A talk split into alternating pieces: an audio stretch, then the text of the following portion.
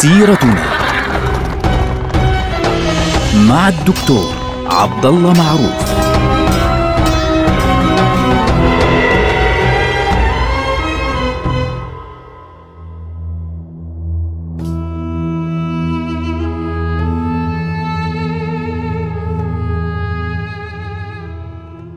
السلام عليكم ورحمة الله وبركاته. سيرتنا سيرة هذه الأمة العظيمة ونحن الآن في عهد نور الدين محمود رحمه الله الذي أصبح سلطان مصر والشام. وردت عليه خلعة الخليفة، خلعة الخليفة يعني الملابس التي يلبسها الخليفة أو يرسلها الخليفة لهذا الملك لكي يقلده يعني سيفا أو اسما يعني إن صح التعبير تقليد رسمي سياسي إن صح التعبير كان ذلك ابتهاجا وضربت البشائر في كل مكان ابتهاجا بخروج مصر من ربقة الدولة الفاطمية التي حكمتها 200 سنة تقريبا. يعني هذه الدولة كان لها أثر في غاية السلبية.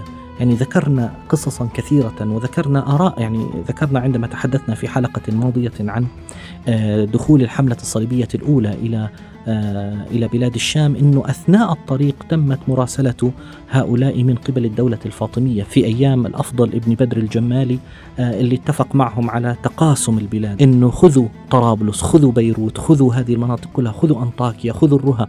ونحن نأخذ بيت المقدس وعسقلان ويافا وما يعني جنوبها. فكانت النتيجة يعني صدعا كبيرا بدخول الصليبيين إلى هذه المرحلة وإلى هذه البلاد.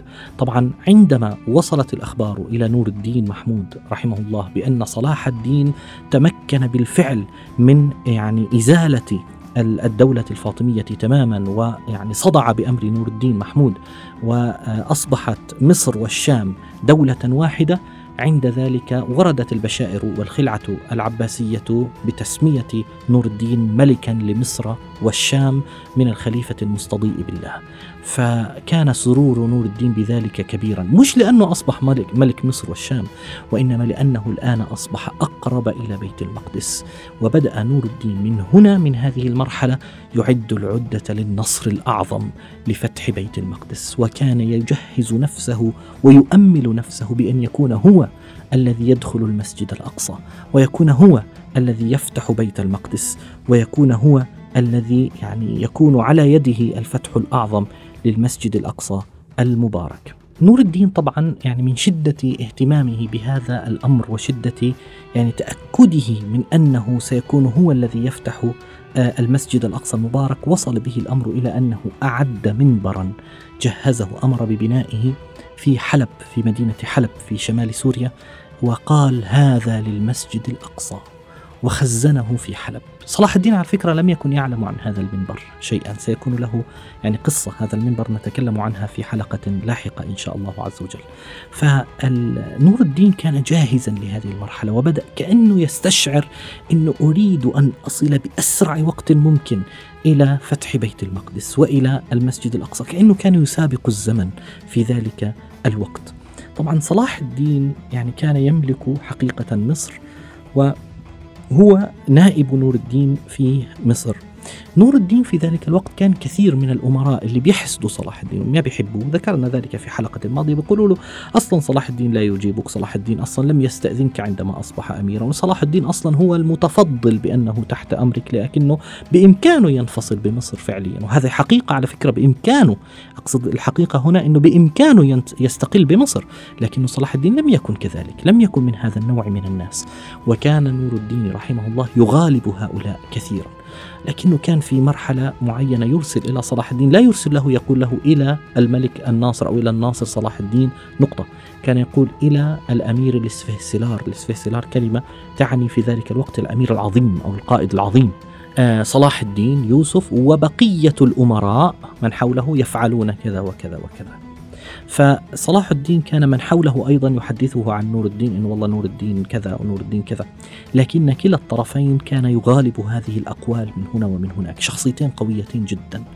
لكن نور الدين كانت تقواه عظيمة وصلاح الدين كانت تقواه عظيمة فكان لا يعني يقتربان من مسألة الصراع أو النزاع. هذه الفترة سميت فترة الوحشة بين الطرفين يعني صار في بينهم شوي هيك إن صح التعبير تتأثر نفسية كل واحد منهم بأن الطرف الآخر يا ترى هل هو فعلا معي؟ هل هو ضدي؟ هل هو كذا؟ هل يمكن أن ينقلب؟ هل يمكن أن يتغير؟ هل يمكن أن تغيره الدنيا؟ هل يمكن أن يتأثر به الناس؟ صلاح الدين في هذه المرحلة طلب من نور الدين أن يرسل إليه والده نجم الدين أيوب فاستجاب نور الدين وأرسل والده نجم الدين أيوب إلى صلاح الدين وطبعا كان سرور صلاح الدين كبيرا جدا بقدوم والده.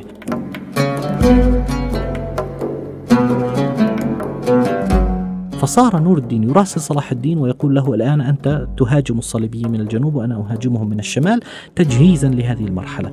لكن آه، في سنة 568 توفي نجم الدين أيوب والد صلاح الدين وكان ذلك مؤلما جدا. يعني لصلاح الدين. وأرسل إليه نور الدين يعزيه في آه، وفاة والده. ويعني رحمه الله كان شخصية قوية جدا وكان شخصية عظيمة جدا.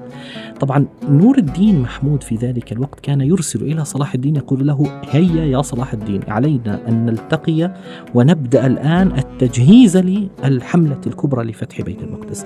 صلاح الدين في هذه المرحلة كان يقول يعني يعني يرسل إلى الملك نور الدين ويقول له أنا لا أستطيع الآن عندي ما زالت الأمور ليست ثابتة في مصر أنا أخشى من ثورة هنا أخشى من ثورة هناك. وفعلا كانت الأمور بينهما يعني بين شد من جهة آه، نور الدين وإرخاء من جهة صلاح الدين. يعني نور الدين يقول له يعني كأنه نور الدين يستشعر اقتراب وفاته فيريد أن يسرع يريد أن يلحق بقضية فتح بيت المقدس رحمة الله عليه. وصلاح الدين لا يرى أن الظروف مناسبة. فمثلا أرسل إليه نور الدين يقول له تعال نلتقي في منطقة معينة في آه، قريب من في جنوب الأردن. ويسير إليه صلاح الدين ففي نفس يعني في منتصف الطريق يرسل إليه رسالة يعتذر يقول له أنا لا أستطيع أن آتي عندي ثورة حدثت الآن.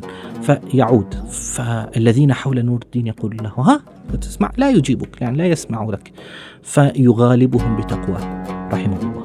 ولكن في نفسه طبعا صار يعني يتضايق. آه في مرحلة معينة أصر نور الدين على صلاح الدين أنه يجب أن نلتقي في الشوبك في منطقة الشوبك في الأردن. فصلاح الدين تحرك بالفعل. فبينما هو كذلك وهو في منتصف الطريق وصله خبر وفاة والده نجم الدين أيوب. كان مؤلما جدا هذا الحدث. فيعني القضية أنه ما حضرش وفاته. يعني هذا الإشي اللي أزعجه لأنه صلاح الدين كان ماشي باتجاه آه، نور الدين محمود فوصله خبر وفاته لأن والده وقع عن الفرس فتوفي فجأة. فصلاح الدين حزن حزنا شديدا ورجع إلى مصر. فأرسل إلى نور الدين محمود يقول له يعني يا أيها الملك يعني حدث كذا وكذا ولا أستطيع أنا آسف لا أستطيع أن آتي إلى الشوبك. فغضب نور الدين. قال له يعني أنا أعزيك نعم ونجم الدين أيوب شخصية عزيزة علينا جميعا ولكن أنا لا أقبل منك ذلك ولا بد أن تأتي إلى هذه المنطقة وخاصة أنه وصل فكان ذلك يعني إيذانا بهذه الوحشة بأن هذه الوحشة بين الطرفين صار اختلاف في وجهات النظر وصار نور الدين يخشى أنه صلاح الدين يعني يخاف من القدوم عليه بلاش يعزله.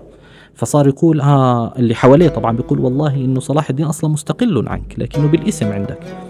في المقابل صلاح الدين حتى يثبت ولاءه لنور الدين صار يرسل له خراج مصر وصار يرسل له الحسابات وصار يرسل له كل شيء كأنه يعني أنا يعني أعمل عندك ولست يعني مستقلا بك. لكن في نفس الوقت كان من حول صلاح الدين يقولوا له آه الآن إذا ذهبت والتقيت بنور الدين يعني سيعزلك عن مصر. في تلك الفترة حقيقة قرر نور الدين رحمه الله أن يدخل مصر نهائيا. قال سأدخل مصر بنفسي. سأذهب إلى هناك وأقطع الشك باليقين. وأرسل إلى صلاح الدين يقول له أنا قادم باتجاه مصر. طبعا اللي حوالين صلاح الدين صار يقول بعض الناس طبعا ليس الكل. يعني مثلا القاضي الفاضل عبد الرحيم البيساني رحمه الله كان يشجع صلاح الدين دائما على أنه يعني يصلح دائما علاقته تكون قوية مع نور الدين. ولكن هناك بعض الأمراء من هنا ومن هناك يعني بيطلعوا لهم أحيانا. أصوات من هنا ومن هناك تحاول أن يعني تفسد ما بين الرجلين رحمهما الله. فنور الدين قرر أن يدخل مصر بالفعل لكن الموت سبق نور الدين رحمة الله عليه. كيف؟ نور الدين في سنة 569 569 وتحديدا يوم آه عيد الفطر. طبعا نور الدين كان عنده ولد واحد اللي هو الصالح إسماعيل. آه، كان لساته يعني صغير. صالح إسماعيل كان عمره يدوب خمس سنوات. ففي عيد الفطر في سنة 569 نحن الآن نتكلم عن أول شوال. وقف نور الدين محمود رحمه الله وهو ينظر يعني محفوف بالناس ويعني والناس كلها سعيدة به. يعني جميل هذا الموقف. آه، نظر نور الدين في الناس فقال له أحد الذين بجانبه. من هو؟ همام الدين مودود. هذا من الأمراء الكبار. كان واقف يعني كان والي حلب في الزمانات. ف يعني جلس لنور الدين يعني واقف الاثنين وينظرون إلى الاستعراض اللي هو استعراض الفرح العظيم في قلعة دمشق. كان هناك يعني يعملوا في يوم العيد مثل الاستعراضات العسكرية للناس والناس تأتي وتهنئ. عيد عيد يعني حقيقي. فأراد أن يعني آه، يعطي عظة. همام الدين مودود. فقال له يا ترى هل نكون ها هنا في مثل هذا اليوم في العام القابل؟ يعني بده يعطي عظة لنور الدين. فقال نور الدين قل هل نكون بعد شهر فإن السنة بعيدة. سبحان الله. كما قال الاثنان حدث. ما مر الشهر حتى كان نور الدين قد توفي ولم يمر عام حتى كان همام الدين مودود أيضا قد توفي. سبحان الله العظيم. فيعني نور الدين ما وصل الشهر وهمام نفسه الذي قال إنه هل نكون هنا العام القادم أيضا لم يصل إلى سنة بعد ذلك. فصلاح الدين في العيد يعني شرع يلعب الكرة. هذه لعبة الكرة كانت على الحصان على الخيل. كانوا يلعبونها في ذلك الوقت اللي هو اليوم بيسموها بولو على فكرة موجودة. آه هذه اللعبة كانوا يريضون بها الخيل. يعني مش مجرد لعبة هيك لعب يعني ومزح لا كانوا يريضون بها الخيل. فحدث بينه وبين واحد من الخواص يعني قضية آه بسيطة إنه والله قال له لا أنا كسبت فقال له لم أكسب. فعلى غير مذهب نور الدين غضب غضبا شديدا وزجره ونهاه ونهره ثم دخل القلعة واعتزل. فالناس استغربوا الأمراء يعني هذه ليست صفة نور الدين. نور الدين أهدأ من ذلك بشكل كبير. لكن الذي لم يكونوا يعرفونه أن نور الدين كان المرض قد بدأ يعني يأخذ من جسده. رحمه الله فكان يعني الوضع بالنسبة له عشان هيك غضب يعني غضب لأنه متألم من الداخل فاشتد به المرض. اشتد به بشكل كبير جدا. فيعني طبعا هذا بعد العيد مباشرة. فجاءه الأطباء وأشاروا عليه أنه ابن عملية عندك مرض اللي هو الخوانيق الخوانيق اللي هي زي مرض الربو اليوم. فقالوا له يعني لا بد من الفصد الفصد يعني عملية جراحية. فقال لهم لا والله لا مانع لأمر الله. انتهى الأمر. كان مهيبا كانوا يخافون منه ويهابونه فلم يراجعوا أحد. وفي يوم الحادي عشر من شهر شوال كان يوم أربعاء توفي نور الدين محمود رحمة الله عليه. كانت وفاته مؤلمة جدا للناس. نور الدين رجل بينه وبين الله عز وجل شيء. تذكر قصة جميلة أن نور الدين محمود في يوم من الأيام كان فوق آه، تل في الليل. فهذا التل كان مع عسكره ويدعو الله عز وجل بأن يفتح عليهم على جنده الذين أرسلهم إلى قلعة اسمها قلعة حارم. يعني يدعو الله عز وجل أن ينصر المسلمين ويفتح عليهم هذه القلعة. فإيش قال؟ قال وهو ساجد ويبكي اللهم انصر دينك ولا تنصر محمودا. من محمود الكلب حتى تنصره. عذرا منكم يعني في هذه الكلمة. فدعا الله عز وجل هذا الدعاء. في اليوم التالي صباحا. جاءه رجل وقال له يعني آه، استأذن عليه وقال له يعني أيها الملك أنا رأيت رؤيا وأريد أن أخبرك بها. يعني أمرت أن أخبرك بها. قال له تفضل. ماذا رأيت؟ قال له أيها الملك رأيت الأمس يعني اليوم قبل الفجر رسول الله صلى الله عليه وسلم. فقال لي اذهب إلى محمود إلى نور الدين وقل له إن الله فتح حارم وانتصر للمسلمين واستجاب دعائك وأعطه علامة على صدق هذه الرؤية. ما هي؟ قال بعلامة أنه كان أمس ساجدا وكان يدعو الله في سجوده ويقول الرجل قال كالتالي اللهم انصر دينك ولا تنصر محمودا. من محمود حتى تنصره؟ الرجل استحى إنه يقول هذه الكلمة اللي كلمه الكلب فقال اللهم انصر دينك ولا تنصر محمود. من محمود حتى تنصره؟ فنور الدين محمود استعبر يعني نزلت منه الدموع وقال أيها الرجل اتق الله أكمل العلامة. فقال نعم من محمود الكلب حتى تنصره؟ رحمه الله. فبكى محمود وحمد الله عز وجل. نور الدين كان رجلا مهيبا عظيما كريما. له أثر حتى اليوم في المدينة المنورة. رأى يوما رسول الله صلى الله عليه وسلم يقول يا محمود أنقذني من هذين وأراه رجلين. فركب فورا وهذه الرواية غير موجودة في كتب على فكرة موجودة فقط في كتب أهل المدينة.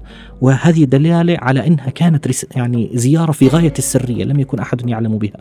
لأنها مكتوبة فقط عند أهل المدينة الذين حدثت عندهم هذه الحادثة. فوجئ أهل المدينة وإذا بالملك نور الدين محمود في المدينة. وإذا به يدعو كل الناس في المدينة إلى أن يدخلوا إليه ويعطيهم يعني عطاء وإكراما فبدأ الناس يدخلون عليه وهو ينظر فيهم ويسلم عليهم. ثم في النهاية قال لم يأتني كل الناس. طبعا هو يتفحص في الوجوه. فلم يرى الرجلين وقال ما كذب رسول الله صلى الله عليه وسلم ومن رآني في المنام كما قال النبي صلى الله عليه وسلم فقد رآني حقا. فقالوا له يعني ما بقي إلا رجلان من الأندلس. لاحظوا كيف الاثنين لأنهم أصلا أوروبيين فقالوا نحن من الأندلس. من الأندلس يعني متزهدان تاركان للدنيا منقطعان فقط للعبادة فقال ائتوا بهما. فأتوا بهما وإذا بهما الرجلان اللذين رآهما في الرؤيا. فقال من أنتما؟ قالوا من المغرب ومش عارف من وين ومن الأندلس. فقال كذبتما فتشوا بيتهما. ففتشوا فلم يجدوا شيئا. فقال والله ما كذبني رسول الله. ودخل إلى البيت بنفسه وبدأ يفتش ويضرب الأرض بقدمه حتى سمع صوتا غريبا.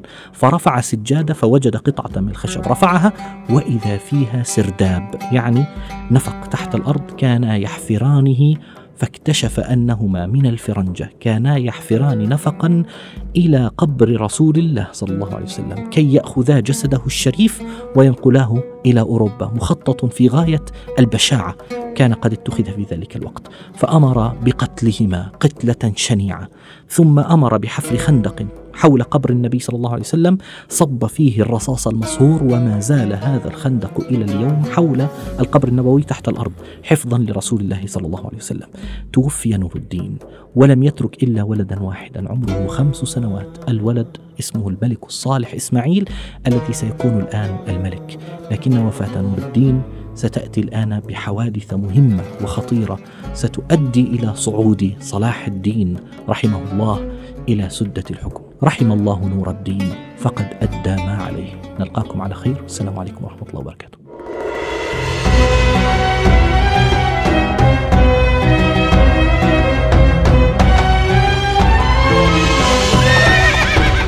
سيرتنا مع الدكتور عبد الله معروف.